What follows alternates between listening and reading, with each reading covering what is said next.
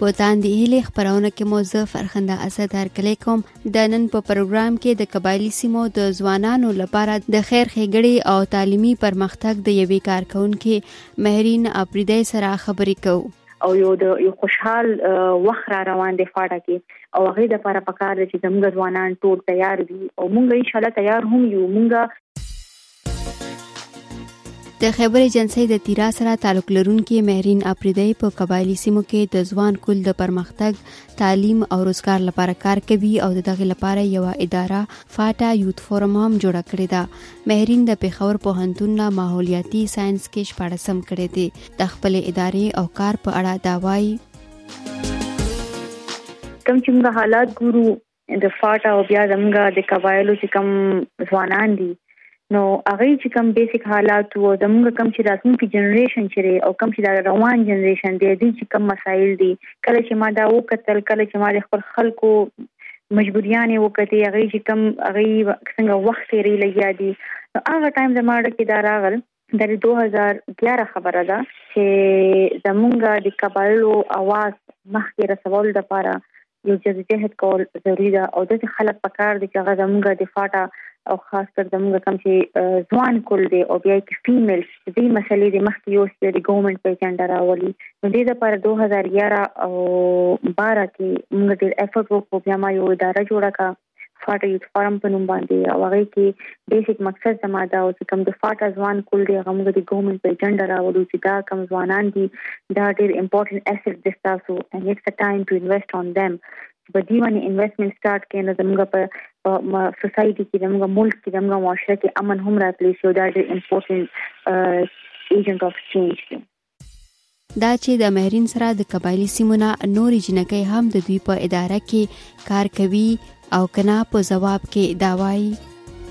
کل فاټا یوت فارم چې اوس د نوم مونږ لږ چینج کړی دا مونږ د ته یو فاټا یوت امپاورمنت اند ډیولپمنت اسوسییشن او فاټا یوت فارم مونږ سره د کې میل او فیمیل د موږ په پښتنې خويندې او پښتنې پښتانه رونه دواړه قبایل چې هغه دواړه د پلیټ فارم انډر موږ کار کو په یو میوچوال انډرستانډینګ باندې او موږ سره کافي فیمیل چې کوم اوس مخکې راځي لګیا دي او دا د فخر محسوس کوم چې کله ما د فاټا ځوانانو ته आवाज اوچت کو د فاټا ځوان کول د پاره او د فاټا خلکو د پاره نو هغه ټایم په زموږ سوسايټي کې ایونلی کوم چې زموږ میل سایز دی زموږ رونه دي هغه کې هم لکه دا شانه غږ چانو پورته کړي او زه پلنې د فاټا نازوان یو یو ځوان کول کې یو را پاسې دلم چې زموږ د فاټا خلکو لپاره یا ځوانان د تاسو نېشنل لیول باندې د ایجوکیشن ورکې هغه مسلې موږ شته کې نو ماشاالله اوس هغه نه بعد ډېر زیات فیمیل راغی او ورځ پر ورځ د دې غزياتي او اویر نشته زیات وشو مهرین اپریدی وایي په 2012 او دیارلسم کال کې دوی د هغه وخت ګورنر نه د ځوان کل لپاره د پالیسۍ د جوړولو منځوري واخیسته او بیا په دغه کار اهم پیل ک د دغه پالیسۍ لمخې دوی کوشش کوي چې د قبایلی سیمو د ځوانانو مسلې هوارې کړي مهرین وایي باید دغه پالیسی اوس حکومت عملی کړي 2012 او 13 کې موږ په دې باندې کار کړو اټارنی ترامین چې کله شو ناغه کې کم چې فدرل لیول باندې کم چې یوت منیسټری وا هغه د صوبو ته ورکړه نو حالانکه کوم چې زمونږه قواعد چې موږ فدرل ګورنمنت سره یو نو کله چې په فدرل لیول باندې د ځوانانو کوم چې یا یوت منیسټری و هغه ختم شو نو که تاسو خیال وکړئ نو زمونږ چې کوم د فاټا ځوانان د پر لږ ډیر فاند یا کمل تن پروګرامونه روان نو هغه ټوټلی بند شو هرې صوبې خپل یوت منیسټری جوړه کا ټول خپل خپل ادارې جوړې کې هرې صوبې کې هغه د پر ځوانانو په ترقی باندې هغه د پر کار شروع کو مختلف هرې صوبې خیبر پښتونخوا بلوچستان ټول خپل خپل بیا د ځوانانو پالیسی جوړه کا یوت پالیسی چې کوم غوته وایو پالیسی جوړ شولې نو په دې وخت کې مونږه د اواز پورته کو چې کوم د فوت ځوانان دي هغه الریډي مونږه فدرل ګورنمنت سره وو فدرل ګورنمنت الریډي هغه د یوت منیسټري اختیار چې صوبو ته ورکو نو اوس په زموږ د فوت ځوانان چې هغه مسلې یا هغه د کوم پروګرام راځي ډیولپمنټل پروګرام یا نور سکیمز هغه به چرته نه راځي نو دې حق کې بیا موږ گورنر صاحب سره ملو شو موږ غوښتل نه دا یو جنوان ډیماند وکړو چې د فاټا ځوانان د لپاره هم تاسو یو یوت پالیسی جوړه کړئ کوم چې هغه هغه د ډیولپمنٹ هغه ډیولپمنٹ کې هغه ایجوکیشن امپلویمنت انټرپرینورشپ نور چې څومره مختلف هغه انګیجمنت لپاره هغه ترقی لپاره سپورتس د مختلف ځکم شوبيري بده باندې تاسو پوره مکمل پالیسی ورکړئ دا کې دا ځوانان چې دا موږ په یو یو پلیټ فارم باندې روان شي او هغه یې تل لپاره ډیولپمنټل کارونه روان شي چې هغه یې هغه انوالو شي دې حق له بیا گورنر سي په هغه ټایم دا پالیسی منظورم کا او هغه ویل چې خامخه به د کار روان کې دا خو خبره ده سره سره موږ ته یو بل ډیماند هم کړو چې فاټا سیکریټریټ کې د ځوانانو لپاره یوت افیر ډپارټمنټ هم اوپن کړي هغه هم اوپن شول بیا غیوانیم ګډیر اډوکسی په کار مو کوو خو اوس دا پالیسی چې راغه پایپلاین کې راولري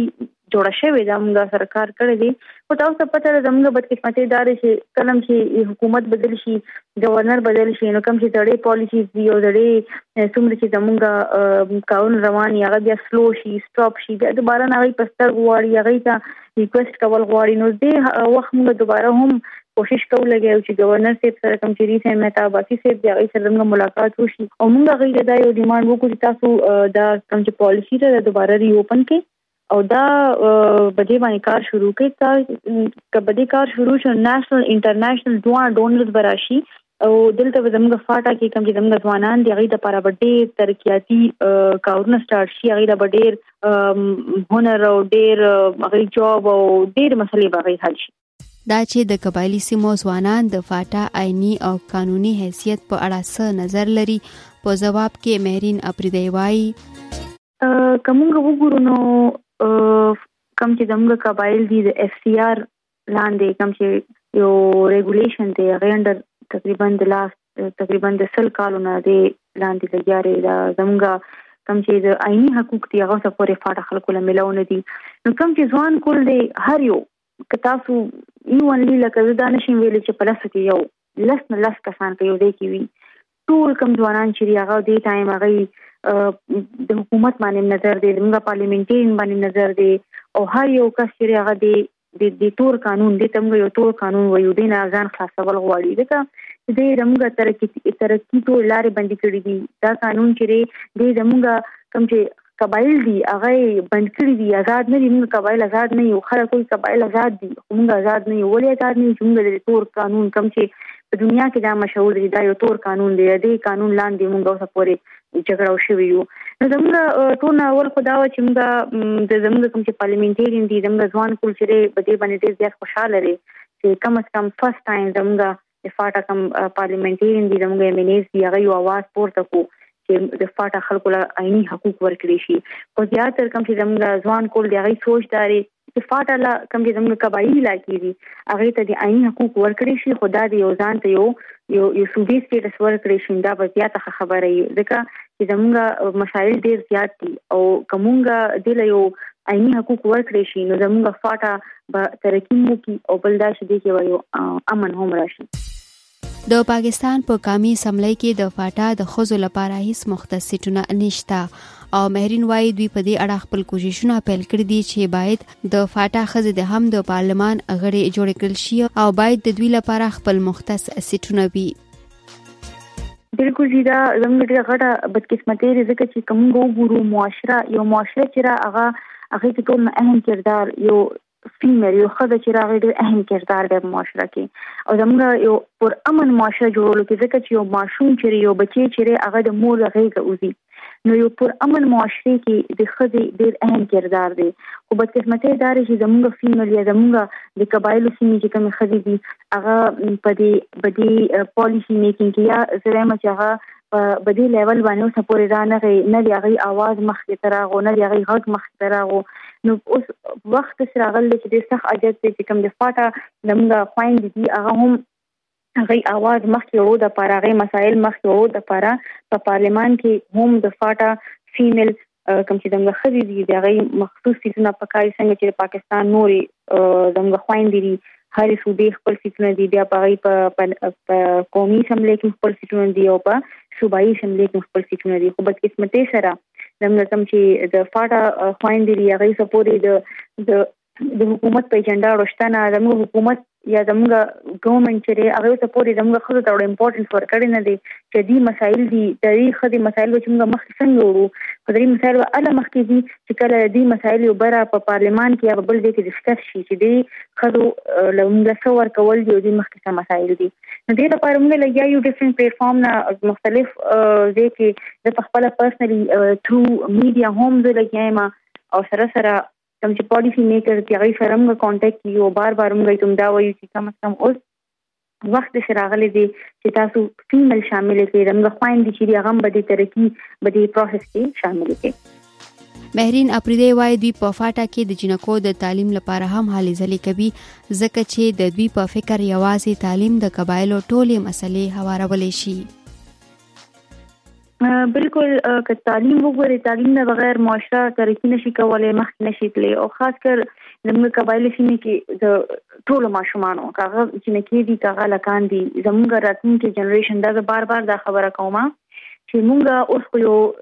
یو حالات نه روان یو جنگ حالات نه وروتو زموږ کم چې زیاتر خلک چې هغه ټول په کمپونو کې دي په کمپونو کې د لاست لس کالو نه زمونږ د خیبر ایجنسي د نارت وزیرستان ساوت وزیرستان دا ټول علاقې شری کم چې زمونږ بچی را اوسې دی الته نه نو کمینګ لکه نن نه بل لس کاله بعد زمونږ یو بل ډیره غټه مسله مخ ته راځي او هغه ټول غټه مسله دا ده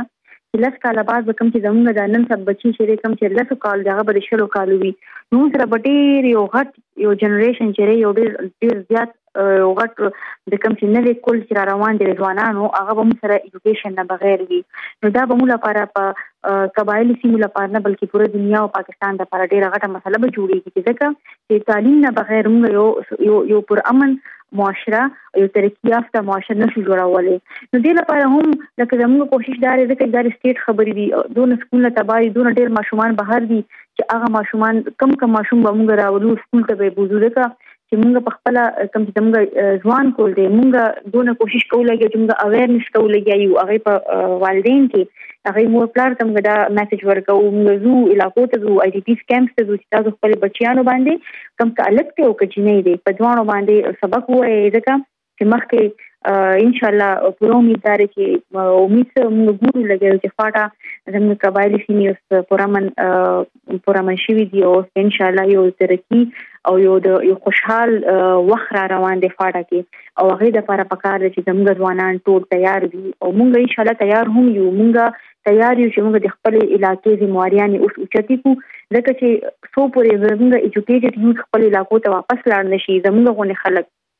مهرین غوندي لس نورې مهرین داسې نور زموږ رونه دي هغه کوم چې دلته پیښور کې لاهور کې کراچۍ کې ناست دي ځکه چې حالات خراب دي هلته نوکریانې کوي چې دا ځوانان څو پورې واپس لاړ نشي او خپل د علاقې لپاره کار ونه کړي دینه بغیر کې دی نشي نو ان شاء الله څونه چې زه ګورم لګیا یم زموږ ځوان کول اوس تیار دی هغه هغه وی چې موږ ذمہواری چتاو تاسو باندې ذمہواری واچوي ان شاء الله یقینم دا دی څنګه امن راشي او حالات سازگار شي او یو ځل عیني حقوق ملو شي تاسو به وګورئ چې قوالی